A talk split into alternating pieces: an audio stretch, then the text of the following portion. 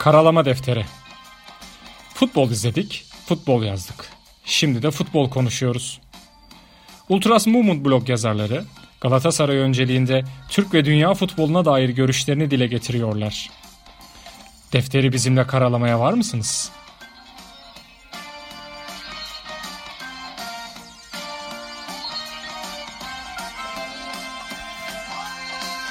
Merhaba, Karalama Defteri'ne hoş geldiniz. 101. bölümde karşınızdayız. Bu bölümde Galatasaray'ın Karagümrük'le oynadığı mücadeleyi değerlendireceğiz. Öncelikle tabii ki onun dışında da gündem alacağımız bazı konular da var. Her zaman olduğu gibi sevgili Sabri abiyle değerlendireceğiz. Abi merhaba, hoş geldin. Hoş bulduk Gürkan, merhaba. Ee, öncelikle 100. bölümle ilgili çok fazla e, tebrik mesajı aldık. E, şu, çevremizden hem yakın çevremizden hem de bizi dinleyen başka e, podcast mecralarından e, gelen tebrikler oldu. Herkese çok teşekkür ederiz. E, geçen hafta da aslına bakarsan bu e, teşekkür etmiştik ama e, birazcık da ben de beklediğimin ötesinde bir şey aldım. E, sosyal medyamızda da 100. bölüm olduğunu paylaşınca herkes ya 100 bölüm yapmak da kolay değil hani e, gibisinden böyle. Gerçekten bir emek e, emeğimiz var illaki. Ama tabii ki bizi geliştiren her zaman dinleyenlerimiz oluyor veyahut da işte ekibimize zamanla katılan sevgili arkadaşlarımız olmuştu. Bir kez daha herkesin huzurunda, burada dinleyenlerin huzurunda e, destek veren herkese teşekkür ederim. Ve 101. bölümde de e, Galatasaray'ı konuşmaya devam edelim. Geçen bölümde inşallah Galatasaray galibiyetini konuşuruz diye kapatmıştık. Bu hafta öyle oldu. 101. bölümü e, bu şekilde açtık. Karagümrük'le bir mücadelemiz oldu ve ilk yarısı 0-0 sonuçlanan maçın ikinci yarısında e, 2-0'lık galibiyetle e, maçı aldık. Konuşmamız gereken belli başlı konular var. Abi e, öncelikle sözü sana bırakayım. Maç öncesi veyahut da sonrasında gelişen e, ilk söylemek istediğin şeyler neler gözüne çarpan? Maçla başlayalım o zaman. Ya, maç zaten bir önceki haftanın etkisi herkesin üstünde vardı. Gürkan yani futbolcuların da vardı. Biz taraftarın da vardı. Hani olimpiyat stadında oynandı. Maç yine Galatasaray iç sahada oynar gibiydi. Bizim taraftarlar onların taraftarına göre daha çoktu. Yani karşı tribün tamamen Galatasaray taraftarıyla doluydu ama ya o sağ sevilmiyor ya. O stat sevimsiz. Biz onunla çok kötü anılarımız geçtiği için oralarda yani bizim taraftarın da çok sevdiği işte futbolcuların da pek sevdiği bir e, stat değil. İşte maçtan sonra da Okan Hoca'nın öyle bir demeci olmuş yani olimpiyatta oynamak bayağı zor, sıkıntılı diye. Dün de Fener oynadı işte biz Cuma oynadık. Fener'de Pazar oynadı İstanbul Spor'da orada oynadı. Fener 5 attıktan sonra da hatta işte sosyal medyada Okan Hoca'yı eleştiriyorlardı işte. Sen zor dedin ama bak Fener hiç zor oynamıyor, rahat oynadı gibisinden. Ama yani dediği gibi haklı. Biz Galatasaray taraftarı için o statta yaşanan bazı sıkıntılı, travmatik durumlarda olduğu için pek e, sevmiyoruz. İşte oranın rüzgarıdır, bilmem nesidir filan yani böyle o stat Hani hatta buraya stat yapanın işte nokta nokta şimdi burada konuşmayayım sansürlü. O şey fotoğraf önüme geliyor yani duvarlarına yazmışlardı onun bir e, grafiti vardı filan. Ondan sonra yani maçla ilgili zaten artık şeylere bakmaya başladım. Gerçi orası biraz şey oldu abi. Lafını kestim ben. bir dönem çok gidip geldiğim için o yolda okul işlerinden dolayı idarecilikten ötürü bayağı oralar gelişti. Yani çevresi şimdi eskisi gibi değil ama yine de rüzgar alıyor tabii ki. Yani almıyor değil ama bayağı orası bir şehir oldu zaten az ilerisinde. Bu e, Çam ve Sakura Şehir Hastanesi falan da oraya yapıldı çok yakın oraya. Orada zaten apayrı bir bölge yeni bir şehir kuruldu oraya diyebiliriz ama yine de tabii ki uzak. Ve olimpiyat stadı dediğin gibi tribünlere de uzak e, aynı zamanda. Yani olimpiyat adı üstünde ya orası maç yapmaktan ziyade orası işte atletizm vesaire yapmak için ama orada rekorlar da sayılmıyordu. Bir de öyle bir stat yapmışız ki yani hiçbir işe yaramayan çünkü o rüzgar aldığından dolayı da orada bir aralar bir Avrupa Şampiyonası mı yapıldı o ilk e, açıldığı senelerde falan. Orada rekorları saymadılar. Hani rüzgarın etkisi var diye. O yüzden diyorum ya pek e, sevmediğimiz. İkinci olarak hakemlere bakmaya başladık. Artık ben öyle bakıyorum en azından. Kim yönetecek? Bunun geçmişi nedir, ne değildir e, diye. işte maçın hakemi Bahattin Şimşek, Serkan e, Tokat'ta vardı. Yani tip olarak da birbirine benzeyen böyle resimlerine baktığım şeyde e, görsellerde acayip böyle kardeş gibi birbirine benzeyen iki hakem. E, Serkan Tokat da işte Metin Tokat'ın amcasının oğluymuş Bir de bu hakemlikte böyle bir şey var işte Cüneyt Çakır'dan tut yani bir sürü başka hakeme doğru. E, bir babadan oğula geçen bir meslek gibi bir şey. E, bir şekilde birbirlerini koruyorlar. E, sosyal medyaya baktığında maç öncesi işte Bahattin Şimşek hakkında ekşi sözlükte acayip entry'ler var. Acayip e, demeçler, gö- görüşler var. Çok kötü şeyler yazmışlar. Yani o hakimine başlamadan önce falan ki beni bayağı da bir korkutmuştu bu hakem ki en son onu şey hatırlıyorum. Geçen seneydi. Geçen sene ondan önceki sene miydi? Ee, bir Başakşehir Fener maçında Başakşehir'in iyi gittiği, Fener'in artık böyle ligden koptu kopacak dediğimiz bir dönemde acayip bir maç yönetti. Başakşehir'den 3-4 oyuncuyu attı. İrfan Can'ı falan attı. Okan Hoca'yı falan atmıştı o. Başakşehir'i çalıştırıyordu o zaman. Ona da kırmızı kart e, gösterdi. Hatta herkesin kırmızı kart dediği bir pozisyonda Fenerbahçe 10 kişi kaldı kalacak derken gitti vara bakmasına rağmen Fenerli oyuncuyu falan atamadı. Baya yani orada aklıma kaldı bu Bahattin Şimşek. Zaten sosyal medyada yazdı hemen haber yaptılar. Okan Hoca'ya atan e, hakem Galatasaray maçına atandı falan diye ne yapacak ne etmeyecek diye. Orada bayağı kararlarını merakla bekledim ama e, geçen e, Ali Palabıyık depreminden sonra o kadar kötü maç yönettikten sonra artık herhalde Galatasaray bu kadar da şey yapamadılar, cesaret edemediler yani Galatasaray'ın üzerine gitmeye, Galatasaray böyle yani ne diyelim ona asıp biçmeye. Bir de Palabıyık'la ilgili ha bak e, geçen hafta içinde fotoğraflar falan dolaşıyordu. Bu Galatasaray maçını yönettikten sonra Avrupa'da maç yönetmeye gitti. İsviçre'deydi herhalde. Basel'de evet. İsviçre Basel'de orada Galatasaray taraftarları bunu havaalanında bir sıkıştırmışlar. Hani her şey öyle rahat rahat hareket edemesin diyorlar. Yani yaptım oldu bitti ben yani üzerime düşen görevi yaptım. Galatasaray'ı bir şekilde ben de e, ezdim, biçtim, yok ettim deyip ondan sonra kaçamazsın diyor. Yani her yerde o Erden Timur'un dediği gibi her masadayız, her yerdeyiz diyor ya işte her yerde varız Galatasaray taraftarı olarak. Biraz daha hakimler artık belki de bunlara dikkat edeceklerdi. Yine e, maç öncesi... O yurt dışında da şey oldu herhalde değil mi? Ee, öyle bir şey çıktı ama ben hani izleyemedim. Şey demiş, e, yanlış karar verdim üzgünüm falan tarzı bir şeyler söylemiş herhalde. Onu doğruluğu var mı abi? Gürkan onu ben e, Twitter'da böyle hesaplar var. Özellikle bir tane hesap Santra Sports diye sürekli böyle fake haberler yapan, bayağı da takipçisi olan bir hesap var. Ben onu orada okudum. Onda o okuduktan sonra zaten onu şey yaptım yani. O çok gördüm birçok kişide de. Çünkü biliyorsun artık sosyal medya bir ortaya bir şey atıyor. Herkes onu kopyalayıp kendi hesabından paylaşıyor ya hiç doğruluğunu falan araştırmadan. Yani özür dileyip dilemediğini bilmiyorum. Yani o taraftarların kendi hesaplarına falan girdim. Onlar sadece fotoğraf paylaşmışlar. Hani onların ağzından bir demeç duymadım. Olabilir yani özür de dilemiştir ama yani doğruluğuna emin değilim. Yani böyle bir kaynağım yok. Baktım ben de araştırdım o ne kadar doğru falan. Çok yerden okudum. Ama hani o Ultras'tan Avrupa'nın, Ultras'tan işte İsviçre'nin e, Instagram hesabında, fotoğrafları paylaştığı Instagram hesabında işte Ali Palabıyık böyle böyle dedi diye bir şey okumadığım için hani bir şey diyemiyorum. Okan Hoca atkıyla ben atkı takan hocaları çok severim. Hatta bir aralarda Instagram'da hep yakalayıp e, post yapıyordum, resim gönderiyordum filan. O da Galatasaray'ın sloganı var ya Cumhuriyet'in e, yüz hakkı Galatasaray diye yüz var işte bir tanesi Galatasaray logosu içinde bir Türk bayrağı falan var. O atkıyla beraber çıkmıştı maça. Hoşuma gitti ama daha sonra maç başında atkıyı çıkarmış. Keşke maç boyunca boyunda atkı olsaydı. Çünkü Okan Hoca da biraz taraftara da hani iyi görünmeye çalışıyor. Onların duygularını hissedebilen bir hoca. Hani maç öncesi. Ee, bir de şey çok güzeldi ya bak onu unutmadan söyleyeyim. Galatasaray'ın o forması onu satış rekoru kırabilir belki o forma iyi pazarlarlarsa göğsünde Gazi Mustafa Kemal Atatürk'ün imzası olan Galatasaray'a yazan hani Galatasaray Lisesi'ni ziyaret ettiğinde defteri imzalamış ya Mustafa Kemal Atatürk. O, o imzayı formanın direkt göğsüne koymuşlar ya çok hoşuma gitti yani. Zaten e, maçtan sonra röportaja çıktı.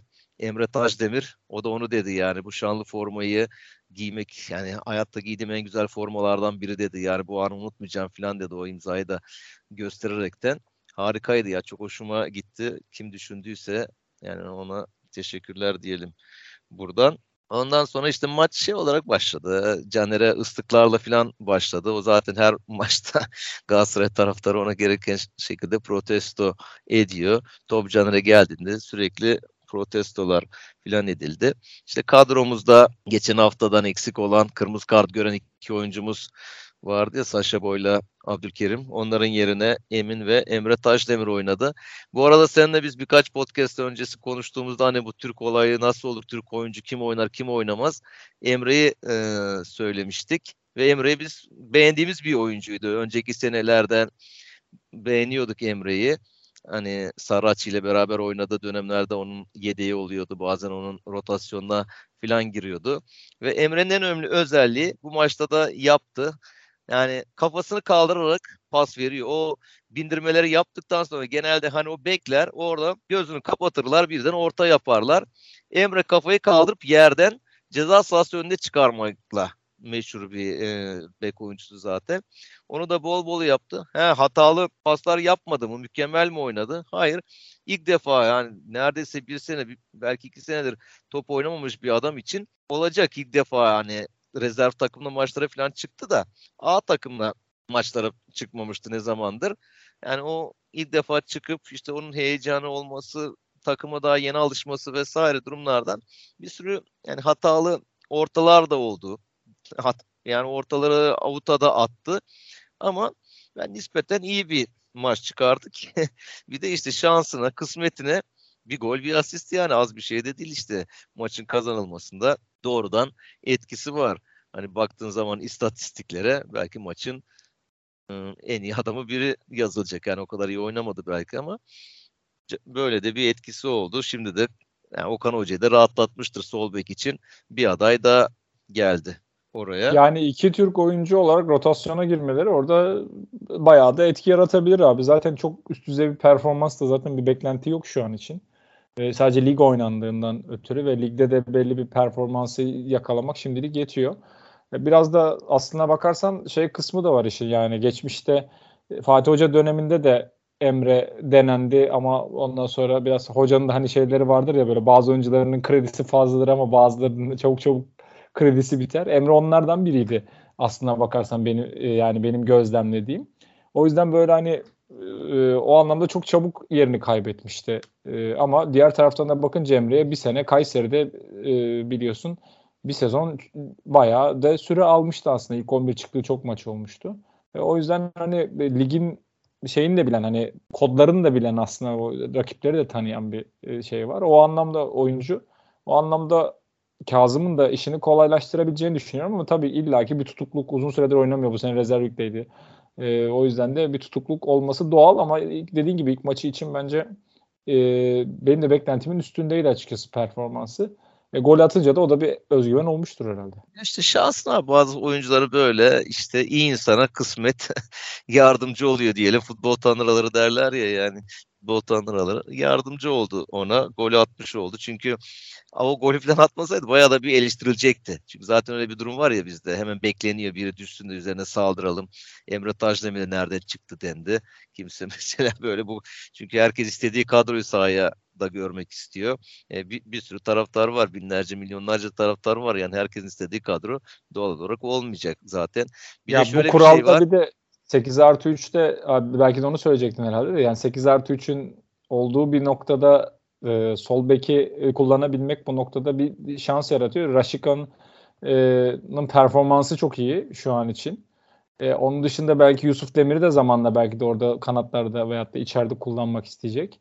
E, bu noktada e, Muslera'yı kesemeyeceğine göre oradaki o sol bek e, oyuncunun şey olması, Türk olması bu noktada önemli bir etken yani. O yüzden de orası bence artık şey olarak devam edecek bence. Yani Türk oyuncularla yani Emre ile Kazım'ın rotasyonu içerisinde devam edeceğini düşünüyorum ben. Doğru. Zaten şeyi de bir şekilde bitirildi ya nasıl oldu Vanan oldu iyice unutuldu yani bir kenara atıldı orayı bir Türk yapınca e, Raşit San'ın da grafiği iyi bir form grafiği var oradan da biraz e, Keremler işte Yunusları da artık kesmeye başladı yani yani şey diyecektim ya.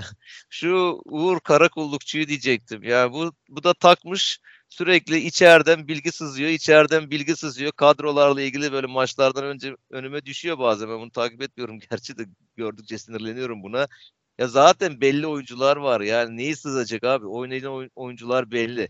Türkler oynayacak. Türk belli zaten. Yani dediğin gibi sen az önce kaleciyi değiştiremeyeceğine göre ancak ya bir sol beki e, işte Türk yapıyorsun bir de Kerem'le Yunus'u o sağ ve sol tarafları ancak Türk yapabiliyorsun. Yani bu 3-4 oyuncu etrafında dönen bir kadro var zaten. Ne olacak? 3 kişi Kerem oynayacak diyor. 4 kişi Yunus oynayacak diyor. Biri diyor e, işte Emre oynayacak diyor. Zaten tutma şansı çok yüksek. Yani bunu sanki bir beceriymiş gibi böyle bilgi sızıyor, bilgi sızıyor. Hani hep bir şekilde bir yere çakma çalışılıyorlar ya. ya bu acayip sinir oluyorum bunlara. Ya gerek yok yani bir yere böyle birilerini eleştirmek için uğraşmaya gerek yok ya. Pozitif bakılsın hani hayata. Şimdi maça ufak ufak e, girelim Gürkan. Yani e, oyuna iyi giremedik. Yani eski maçlar gibi özellikle Alanya maçı gibi o baskılı, pres, yoğun bir oyun olarak oyuna giremedik. Yani daha böyle bir arayışlar içindeydik. E, ta, e, Kara Gümrük de onlar da yani son haftaların aslında çok gol atan bir takım olmasına rağmen onlar da çok üstümüze gelemedi. Onlar biraz işte ters top plan yapmaya çalıştılar. İşte biz baskı yaptıkça bo, e, boşluklar yaratıp o boşluklardan tersten kontralar yapmaya çalıştı. Ama Hani şöyle baktığımda koca maç boyunca neredeyse pozisyonu yok. Hadi zaten 30'larda falan mı e, kart görmüşlerdi, kırmızı kart görmüştü. Öyle bir şeydi evet 30. dakika diye not almışım. O zamana kadar bir notlarımda bir 11. dakikada var işte bir Emin'in Cagney ile bir pozisyonda var. Emin bir hata yaptı, Cagney girdi orta yaptı. Orada bir karambol oldu. İşte karambolde daha sonra bizimki uzaklaştırmaya çalıştı. İşte Jimmy durmasının önüne düştü. Onun şutu savunmadan gitti işte kornere falan gitti. Bir o atakları var. Onun dışında başka bir atakları yok ama biz biraz daha hani eski maçlara göre daha tutuktuk ya da daha belki bilerek gelmeye çalıştık. Yani tüm hatalarla gidip geriyi belki boş e, bırakmak istemedi Okan Hoca. Yani işte bizim de pozisyonlarımız var işte o dakikaya kadar. Ne bileyim işte Oliveira'nın işte çalımlarla geldiği işte şutu var. işte kornere çıkan var. Bir tane harika bir kornerden dönen bir top var. O maçın en güzel keşke golü olsaydı yani. Raşit San'ın önüne düştü. Gelişine harika vurdu. Kaleci çıkardı yine. Viviano da yani özellikle ikinci yarıda yani acayip kurtarışlar yaptı. Maç boyunca ne bak not almıştım 10 kurtarış yapmış bir rekor diyorlar yani. Viviano'nun yapmış olduğu maçta 10 tane net kurtarışı var ki bunun içinde de mesela bir pozisyon var. Hakemle ilgili hani Mertens'in bir uç, ıı, aşırtması var. Viviano son anda eliyle topu korner atıyor. Bunu göremiyorlar yani out veriyor filan yani. Bir anlamı bu son zamanlarda böyle şeyler çok olmaya başladı ya. Yani sadece Galatasaray maçta değil başka maçlarda da görüyorum. Yani bariz bir korneri ya da bariz out'u korner veriyor, korneri out veriyorlar böyle şeyler. Yani ya orada kaç tane hakemsiniz abi? Yan hakemi var, orta hakemi var. Yani bunlar bunlar çok kaçırmaya başladılar böyle pozisyonları. Bir de şuna kızıyorum. Topçu niye söylemez ki mesela? Ya söyle. İnsanların gözünde zaten artık öyle bir zamanda yaşıyoruz ki Gürkan. Hani herkes kötü, herkes eleştirmeye çalışıyor. Ya bir güzellik görelim abi ya. Yani de ki ya hakeme benden çıktı de ya. Sen yanlış gördün benden çıktı de. Ne olacak bir kornerde gol mü yiyeceksin illa ya da o taştan gol mü yiyeceksin? E, yesen ne olur? Ama ne olur fair play ödülü alırsın. Yani şey olursun yani milletin gözünde de kahraman olursun. Sevilen bir topçu olursun. Ha, futbolcular da çok ilginç söylemiyorlar. Ha, kaleci elinden çıktığını ondan başka o en yakın o bilecek zaten elinden çıktığını. Değdiğini hissediyorsun zaten. O topu uzaklaştırdığını görüyorsun. Hani hani bu Muslera'da da oluyor bazen yani bizim içinde oluyor. Söylemiyorlar. Çok ilginç ya. Ne var abi söylesem ben olsam söylerdim topçuya. Bilmiyorum belki hocalar kızardı falan. Niye söylüyorsun falan derdi. Hani kaleci maleci olsam ama ne bileyim söylerdim diye düşünüyorum yani ama işte söyleme onu da mesela o da kurtarış onu da saysa 11 kurtarış olacak. İşte ha Kerem'in bir pozisyonda var. İşte herhalde Galatasaray'a karşı dedim ya az önce başlarken de Ali Palabıyık o kadar e, Galatasaray'ı mahvetti ki yani katletti. Şimdi artık biraz hakemler hafif Galatasaray lehine hani eyyam diyorlar ya ona yani biraz da şimdi Galatasaray'ı koruyalım gibi bakmaya başladılar olaya. Orada sarı kart vermedi. Bir sarı kart pozisyonudur o yani. Kerem rakibin ayağına bastı. Onu es geçti. İşte o 30. dakikada Adnan'ın kırmızısında yani ya o çok bariz yani kırmızı. Nasıl onu kaçırdı? İlla VAR'ı bekledi. İlk defa da VAR 11. hafta mıydı bu öyle değil mi? 11. haftada e, girdik oynadık. İlk defa VAR'dan Galatasaray lehine bir karar çıktı yani. Bu da belki rekor. Evet abi öyle. Yani Türkiye tarihinde bir rekordur da Avrupa'da var mı bilmiyorum. Bunun benzer başka maçlarda 11 hafta sonra bir takım lehine VAR'dan ilk defa bir karar çıktı. Hani VAR olmasa o kırmızı da olmayacaktı. Bizim Abdülkerim'in pozisyondan daha sert bir pozisyondu. Geçen hafta kırmızı verdiler ya direkt Abdülkerim'e hiç vara mara gitmeden verdi. Bu ondan daha sert olmasına rağmen bunu VAR'dan gördü, verdi. E ondan sonra da zaten adamlar 10 kişi kalınca pek gelemediler. Yani gelmeye de güçleri yetmedi. Galatasaray ilk yarıyı çok iyi oynamadı. O, ıı, kalan 14-15 dakikada da yani pek e, pozisyon bulamadı. Yani böyle çok da notlarımda öyle kritik pozisyon yazmamışım. İşte bir 45 artı 2'de bir Oliveira'nın ceza sahasında hani bir önünden şutu var. Yine işte kalecide kalan bir top. Onun dışında öyle başka pozisyonumuz olmamış. Ama ikinci yarı e, Kerem'i çıkardı. Belki de sahanın ilk yarı için kötülerinden de. Kerem bu sene ne bileyim be Gürkan böyle bir olmuyor ya. Yani o çocuk bir geçen seneki forma bir çıkamadı yani. Bir iyi bir kötü bazen bazen var bazen yok. İşte Okan Hoca da oralarda bir arayış içinde. Alper'i aldı onun yerine. Barış Alper değişikliği yaptı. E ondan sonra zaten ikinci yarı bol bol onların kalede olan pek bizim yarı sahaya giremedikleri pozisyonlar oldu. Hani golü de attık. 45'ten sonra bir 5 dakika sonra 50'de bir gol attık kornerden. İşte Nelson kafayı vurdu. Ha bu maçta baya bir Galatasaray'ın eksiklerinden biridir ya işte hava topu vuramamak işte duran toptan gol atamamak. Bu bizim savunmacılar bayağı bir ileri çıktılar. Bayağı bir pozisyonda buldular. İşte oradan Nelson kafasına Viviano zorluk çeldi. Ondan sonra diren oradan top Emin'in ayaklarına çarparak gol oldu da işte vardan gol döndü yani. Faal buldular orada. Baktılar ne faali varsa yani. Onu hayatta Avrupa'da falan faal vermezler ona. Yok eline mi basmış bilmem ne buldular böyle küçücük bir şey falan. Alakası yok adam kaleci zaten topu çıkarmaya çalışıyor. Yani o kadar bir itiraz bile gelmedi rakipten ama bir şekilde işte onu iptal ettiler. Öyle böyle zaten hani bu baskıya dayanamayacaklardı. Bir yerde öyle böyle gol gelecekti. Yani biz de atabilir. Onlar da belki kontra atacaktı. Böyle durum oluyor ya denersin denersin denersin olmuyor. Hani futbolun yazılı olmayan kuralıdır. Sana bir atak yaparlar ondan e, gol atarlar. Buna benzer bir maç işte o kaç 2000'lerde falan o UEFA döneminde Fener'e karşı Sami kaybettiğimiz bir maç vardı yani. Belki ben tarihimde Fener'e karşı bu kadar baskılı oynayan Galatasaray'ı ilk defa gördüm. Hani 5-10 olabilecek maçı 1-0 kaybettik. işte Johnson uzaktan bir şutu. Emre Belezoğlu bizdeydi o zaman sırtına çarptı. Gitti gol olmuştu mesela yani. Buna benzer bir maçta olabilir diye düşünmedim değil bazı anlarda. Şimdi dedim biz bu kadar sallamıyoruz. Bu kadar lakayt oynuyoruz. Hani gelecek adamlar bir korner olacak ya bir kontrol olacak bir gol atacak ondan sonra hadi bakalım çevirmeye çalış dur. Ama işte yani yine Raşitsa'nın ortaya çıktığı bir pozisyonda Emre golü attı. Zaten ondan sonra takımı rahatlattı. Sonra yapılan değişiklikler işte Mata da siftah yapmış oldu. O da golünü attı. 2-0 olduktan sonra arkasından bir gol daha var sayılmayan ama onu hakem haklı onda Gomis yani millet ya offside'da golü atan Yunus offside'da değil diyor ama yani orada Gomis de hareketli yani Gomis'e pasif denmez o pozisyonda. Yani o hareketli. Onda golün iptali. Doğru. Yine bu sene işte gol sıkıntısı çekiyoruz bir şekilde. O kadar golcü almamıza rağmen. Şimdi Biraz az önce sen konuyu açmıştın orada girecektim ama devam edince bekledim. Ee, burada istiyorsan devreye gireyim. Şimdi gol sıkıntısı çekiyoruz. Ee, maçtan sonra bir istatistik yayınlandı. İşte Galatasaray'ın rakipleri e, daha doğrusu ligde en çok kurtarış yapılan maçlar ve kaleciler e, listesi yapılmış. Bunda 6 tane maç konulmuştu. En çok kurtarış yapılan işte 9, 10, 11 kurtarış e, gibi. Bu 6 maçın 4'ü Galatasaray'ın rakiplerinin kalecileri aslında. Yani Galatasaray e, oynadığı zaman kaleciler üst düzeyde kurtarış yapmışlar.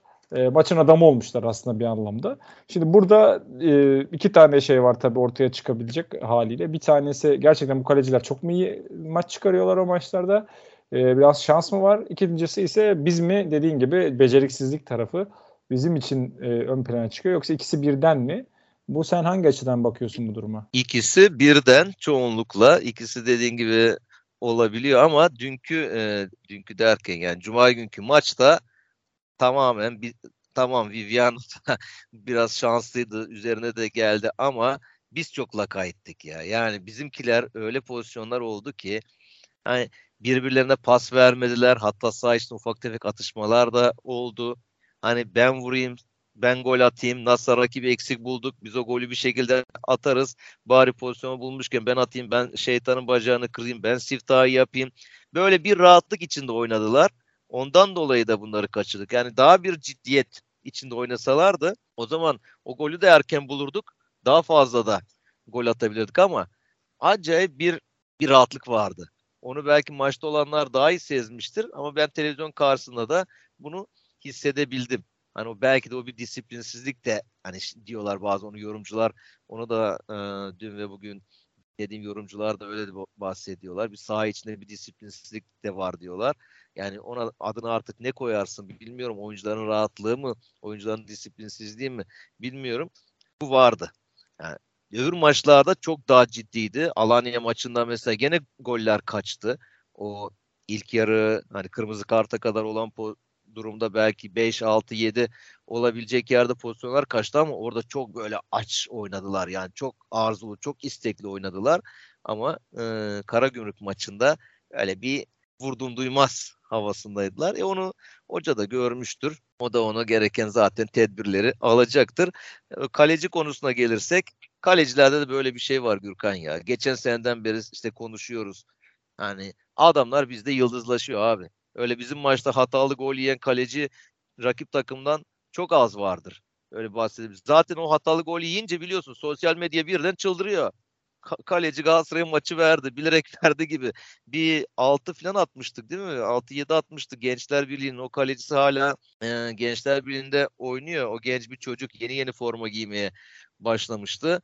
Ondan sonra çocuğu mahvettiler yani. Yok işte şöyleymiş ta geçmişini adamın soy ağacına kadar araştırıp işte Galatasaray'a bağlayabilecekleri bir şey buluyorlar. Oradan başlayıp çocuğu ondan sonra eleştirmeye başlıyorlar. Hani bizim maçlarda hatalı gol yiyen kalecilere. Ama genelde çoğu da harika maç çıkarıyor bizim maçlarda. Bir Kayseri maçı hatırlıyorum şimdi bak konuştukça. O e, içeride beraber mi kalmıştık? Onlarla öyle bir şeydi. Yenememiştik onları. Hatta bizim o Mudat işte yok kırmızı kart gördü falan bilerek gö- kart gördü dedikleri bir maçta böyle çocuğu eleştirmişlerdi falan. Orada mesela Jung hayatının maçını oynadı. Neler neler adam sakat sakat hatırla aya seke seke top çıkarmıştı. Yani o gözümün önünden hiç gitmiyor o pozisyon. İşte oluyor bazen işte Serkan Kırıntılı Ümraniye maçında. Neler neler çıkardı mesela bu sene. Öyle bazı kaleciler de bazen yıldızlaşabiliyorlar Galatasaray maçlarında ama a, Cuma günü kaleciden çok belki kaleci 10-11 kurtarış yaptı ama kaleciden çok bizim oyuncuların da biraz şey vardı işte. E, lakaytliği vardı. Onun dışında iki golde e, dediğin gibi iptal oldu. Nelson'da Yunus'un da yine 4 gol atıp 2 e, gol bulduğumuz bir maç oldu. Bu noktada e, Emre ve Mata'nın da e, aslında gol bulduğu maçlardı. E, bu peki sonraki maçlar için sana bir şey veriyor mu? Sinyal veriyor mu? Onu da sorayım yani hem hakem performanslarını da iptal edilen golleri düşünecek olursak hem de e, yeni iki oyuncunun ön plana çıkmış olması bu noktada.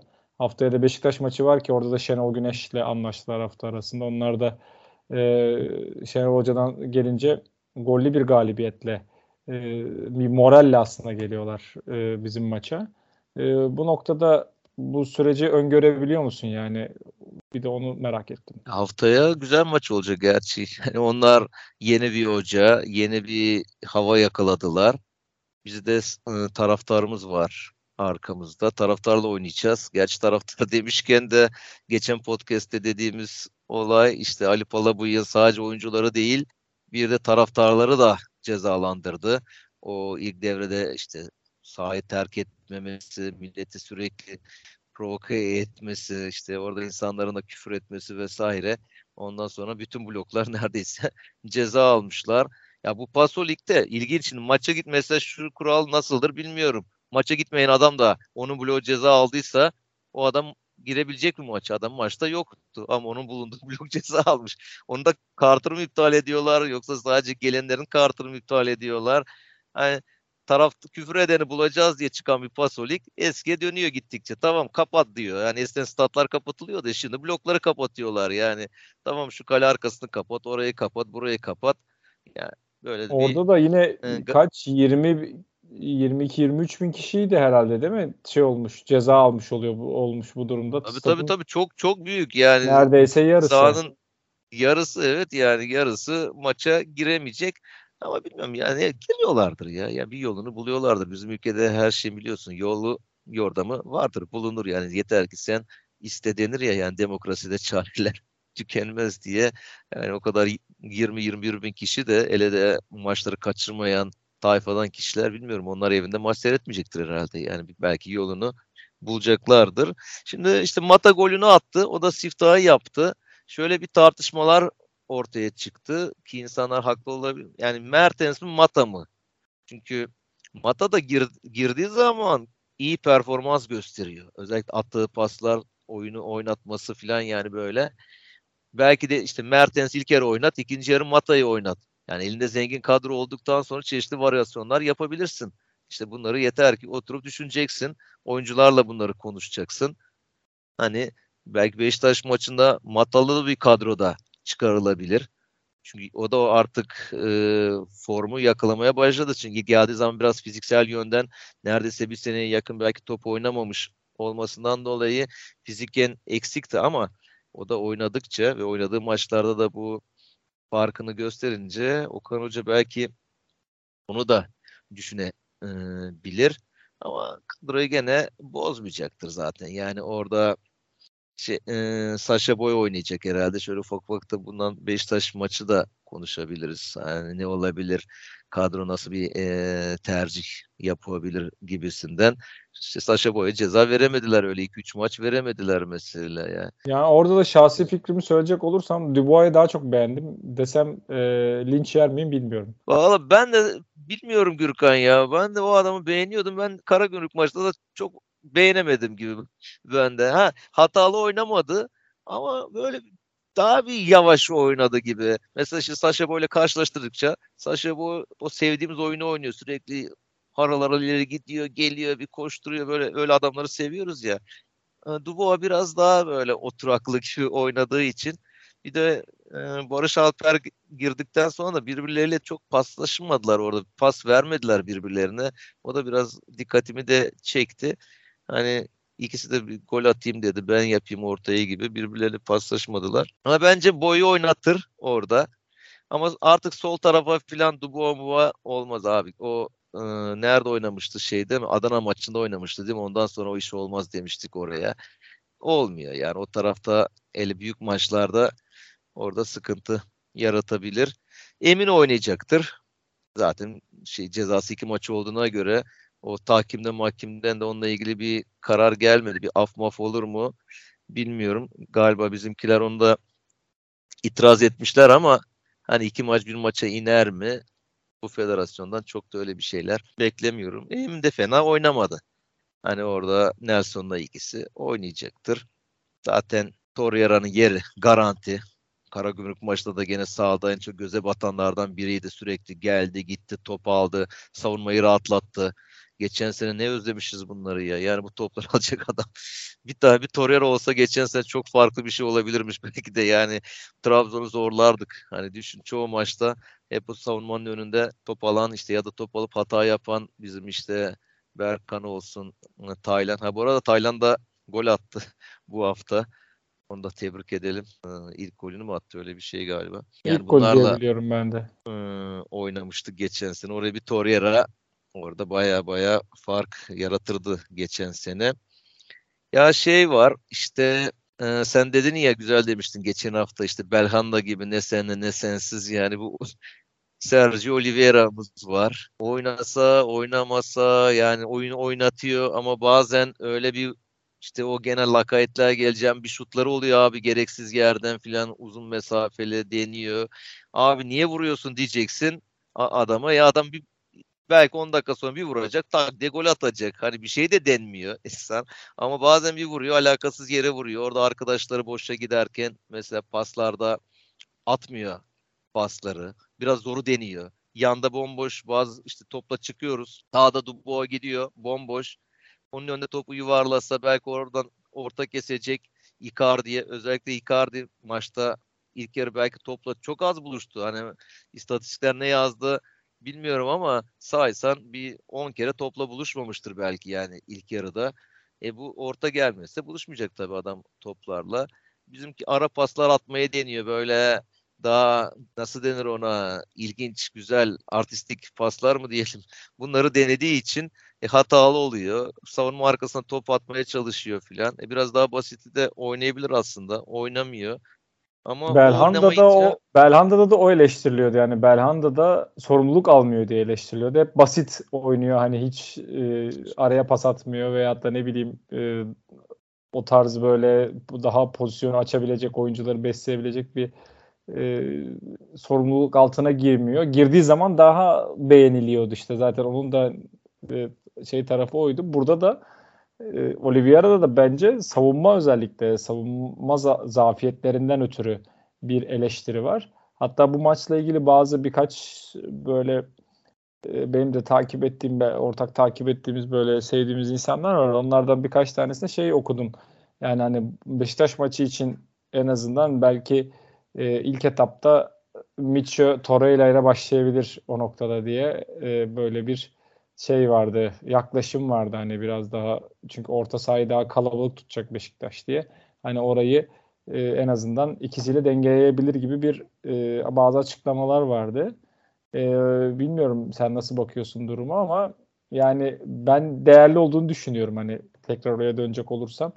E, çünkü Galatasaray uzun süredir bu kadar orta sahadan böyle işleyecek bir yapıya sahip olmadığı için belki de biz özledik orayı yani veyahut da ben özledim diyeyim. Öyle yaptığı zaman da Micho Olive, e, Oliveira diyorum Micho Torreira yaptığın zaman da biraz yaratıcılıkta eksik kalıyoruz bu sefer. işte hani Orada Torreira'nın görev sen... alması bekleniyor. Çünkü Mitchell'in öyle bir özelliği yok biliyoruz. Orada da Torreira tam o şeye girmiyor. Orada da işte Mertens'i bekliyorlar. Bu sefer Mertens'in top alması bekleniyor. Bu sefer Mertens'in şeyi kayıyor. Belki bu maç için yine öyle oynayabilir bilmiyorum ama oradan da Mertens'in ileri uçta daha verimli olduğunu bu maçta da gördük yani. Aynen. Yani şimdi Torreira şeyde de çok rahat oynuyor. Savunma önünde top al, almasını o çok seviyor. Oralara gidiyor, koşuyor. Yani o beklerin önüne gidiyor. Savunmacılardan, stoperlerden top alıyor. Orası onun daha rahat bölgesi. Orayı Micho'ya bırakıp kendisi biraz ön bölgeye gittiğinde orada daha bir yaratıcılık gerekecek. O da orada çok yapamıyor gibi. Ya işte o da abi Okan Hoca'nın düşüneceği şeyler olacak. İşte zengin kadro varsa elinde hangisini nasıl kullanacağını bir hafta süre var. Antrenmanlarda deneyecek. En uygun hangisi ise e, kafasına en yatan hangisi ise onu e, kullanacak. Ama iç sahada olunca o taraftar desteğiyle birlikte Galatasaray daha çok yaratıcı. Ben hani Sergio Oliveira ile oynamasından yanayım. Yani daha çok hadi savunmayı işte oyunu önce bir beraberle bir rakibi durduralım sonra da işte biz gideriz falan değil de Alanya maçında olduğu gibi göze hoş gelen, presle başlayan, baskılı. Çünkü Beşiktaş savunmasına baskı yaptığın zaman onlar orada çıkamıyor. Sonuçta Şenol Güneş geldi diye elinde sihirli değnek yok yani her şeyi bir anda değiştirecek de bir şey yok. O ben e, Fener maçında Beşiktaş'ı derbi seyrettim. Orada çok e, kötüydü yani Fener bir baskı yaptı. Beşiktaş hiç çıkamadı. Hiç oynayamadı Beşiktaş. Yani belki Şimdi ben de onu oynadı. diyecektim. Yani e, bence arenada biz de baskılı başlayacağız diyecektim sana. O yüzden de benim de düşüncem orada aslında şeyle e, Torreira ile Oliveira'nın bir arada başlaması e, olacak diye düşünüyorum. Yani onlarla başlayacak. Yani bu son birkaç haftadaki aslında kadroyu e, bozmadan devam etti. Sonuçta burada bir ivme yakaladı. O yüzden de orada da iyi bir baskıyla başlarsa takım e, sonradan hani maçın ilerleyen dakikalarında biraz skoru e, ele geçirirse e, ve gerçekten hani cömert şey harcamazsak pozisyonları da E, ondan sonra birazcık daha skoru tutmak adına orta sahayı daha güçlendirebilir o noktada yani birkaç gol attıktan sonra. Yani özellikle ikinci yarı işte 50'le 60'la 50-55 gibi belki Mitchell'in girişini o şekilde görebiliriz diye düşünüyorum. Aynen aynen yani bu, bu maçta bir de kaçırmayız artık ya o kadar yeter tamam bu kadar bonkörlük yaptığımız yeter. Bir yerde hani bu bu goller girecek. Bu adamlar da yani dünkü çömez çocuklar değil yani. Bunlar yıllarca belirli şeyde oynamış yani seviyede oynamış oyuncular. Yani o goller olacak yani. O ben Beşiktaş maçında ümitliyim yani. Ona bayağı pozitif bakabilirim o maça. Ne zaman maç bence şey de olacak abi yani her iki açıdan da kırılma noktası olacak yani buradan ivme de kazanabilir Galatasaray. Buradan e, açıkçası e, farkını açıyor. Cumartesi günü bu arada maç. O arada açtım. Cumartesi günü 8'de. E, yani orada bir şey de olabilir bu noktada. Çünkü şa- neydi onun da kırılma noktası olabilir. Hem moralle dev, şey arasında Dünya Kupası arasında moralle girer, girer takım ve daha iyi toparlar. Ee, öbür türlü de biraz açıkçası moralleri bozabilir bu durum. Ee, yani dediğin gibi Beşiktaş'ı bu noktada yakalamışken e, de bu fırsatı değerlendirmekte fayda var. Bir de şu son olarak şunu söyleyeyim. Acayip bir şey başladı. Ee, hep eleştirdiğimiz yere gene geleceğim. İşte Okan Buruk istifa bilmem ne ya. Özellikle de Şenol Güneş'in gelmesinden sonra şimdi bir anda işte Cesus Fenerbahçe'de bir oyun oynatıyor. Biraz iyi gidiyorlar onlar. E, Şenol Güneş geldi. Okan Buruk'u birden çömez hoca statüsüne soktular orada. Yani ne istiyorlar? İşte Tuhel gelsin ya da bir kısım Fatih Terim gelsin de bu iş biraz zor. İkisi de olmaz. Tuhel zaten gelmez bizim e, ülkeye. Yani o Tuhel şimdi orada şeyleri falan bekliyor. Yani Almanya'dan teklifler bekliyor. Hatta İngiltere milli takımı bile adı geçiyormuş yani o da olabilir gibi. Yani o onun hedefler çok büyük.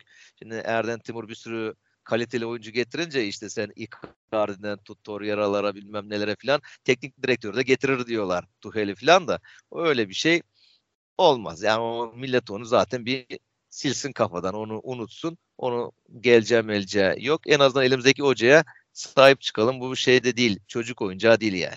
İşte Beşiktaş Şenol Güneş'i getirdi. E biz de kurt bir hoca getirelim. Ne getiririz abi Okan Buruk da işte ne güzel yapıyor.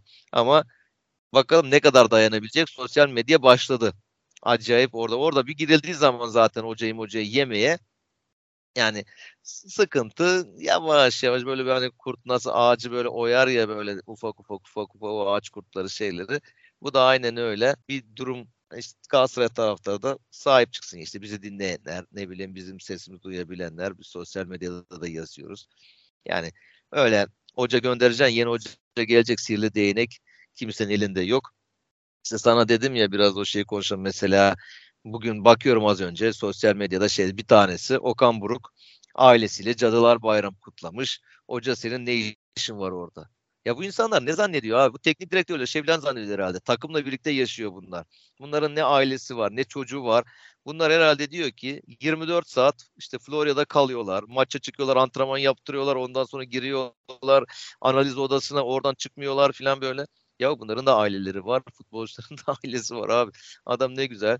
Bir de ailesiyle zaman geçiren adam ne kadar iyi bir adamdır ya. Yani adam gidip salak saçma işler peşinde koşmuyor ki yani işte bazı teknik direktörler Ersun Yanal mıydı? İşte yatta mata birilerini atıyordu filan böyle antrenman saatlerini onlara göre düzenliyordu filan. Hani böyle gayrimeşru işleri de yok yani adamın. Adam ailesiyle çocuğunu sevindirmek için yani bir parti yapmış, bir şey bir eğlence yapmış. Ne var bunda? Bunu takdir edeceğine. Mesela Melo da böyle bir adamdı. Adam maça çıkardı. Maçta her her şeyini verir. Ondan sonra bütün zamanını evinde geçirdi. Bir kere Melo'yu dışarıda bir barda, restoranda bir yerde kimse belki görmemiştir. Görse bile yanında mutlaka ailesi ve o kalabalık çoluk çocukları vardı. Onun ailesi de biraz genişti ya Melo'nun. Yani ya bir de abi böyle... kimi ilgilendirir zaten yani yabancı bir antrenör olsa Cadılar Bayramı kutlamayacak mıydı? Yani kutlayabilirdim. Çok doğal bir ya şey buradaki, yani. Kimi ilgilendirir yani ne oldu? Zaten Gürkan mevzuyu da anlamı mevzu Cadılar Bayramı kutlaması mı? Okan Hoca'nın bunu kutlaması mı? Okan Hoca'nın eğlenmesi mi? Ne istiyorlar mesela? Yani sırf eleştirmek için bir şeyler atıyorlar ortaya. Yani bir işi karıştırmak için. Altında da Okan Hoca istifa. Okan Buruk istifa. Hashtag Okan Buruk istifa. Yani abi derdiniz de bırakın adamları rahat etsinler ya. Yani o aile havasını oluşturmaya çalışıyor. Ve tek oyuncular da bence çok saygı duyuyorlar hocaya. Ama onunla ilgili de ufak ufak şeyler var. İşte o saygı yokmuş. Oyuncular arasında birlik bütünlük yokmuş. Sıkıntılar varmış bilmem ne.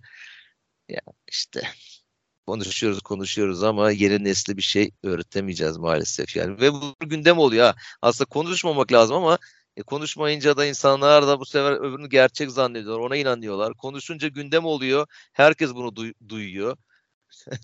Nasıl bu işin içine çıkılır bilemiyorum. Valla bu dediğin gibi bunun içinden çok çıkabilecek bir durum açıkçası yok. Onun dışında da e, benim ekleyeceğim bir şey kalmadı abi. Senin ekleyeceğin bir şey var mı? Yani Galatasaray maçıyla ilgili daha doğrusu. Galatasaray maçıyla ilgili yok. Son olarak e, şu şeyi söyleyeyim. Ondan sonra zaten yavaş yavaş kapatırız süremizi gene sonlarına doğru geliyoruz gibi.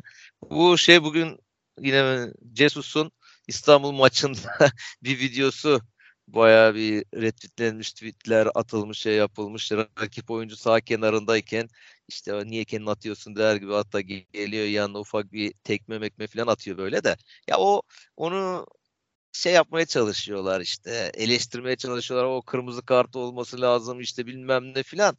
Ya adam onu sevecenlikle yap, yapılan bir hareket. Hani hadi kalkmak diyor. Yani çok ağır bir şey yok diyor ama işin öbür tarafına baktığın zaman da bizim ülke maalesef bazı şeyleri kaldıramıyor. Bizim ülke o kadar pozitif yaklaşan bir ülke değil yani.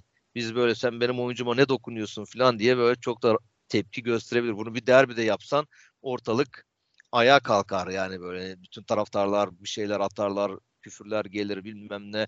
Rakip kulübeden koşulur sen nasıl dokunursun benim oyuncuma gibisinden filan. Hani bu Avrupa'da birçok yerde çok rahat yapılabilecek şeyler de işte bizde sıkıntı zaten ondan dolayı da bayağı bir herkes bunu tweetlemiş, bir sürü yorum yazmış. Ha işin şu tarafı da var bir de. Bunda adım kadar bundan eminim. Bunu Fatih Terim yapmış olsaydı böyle o, o videolar alınır, büyütülür, çeşitli şekle sokulur.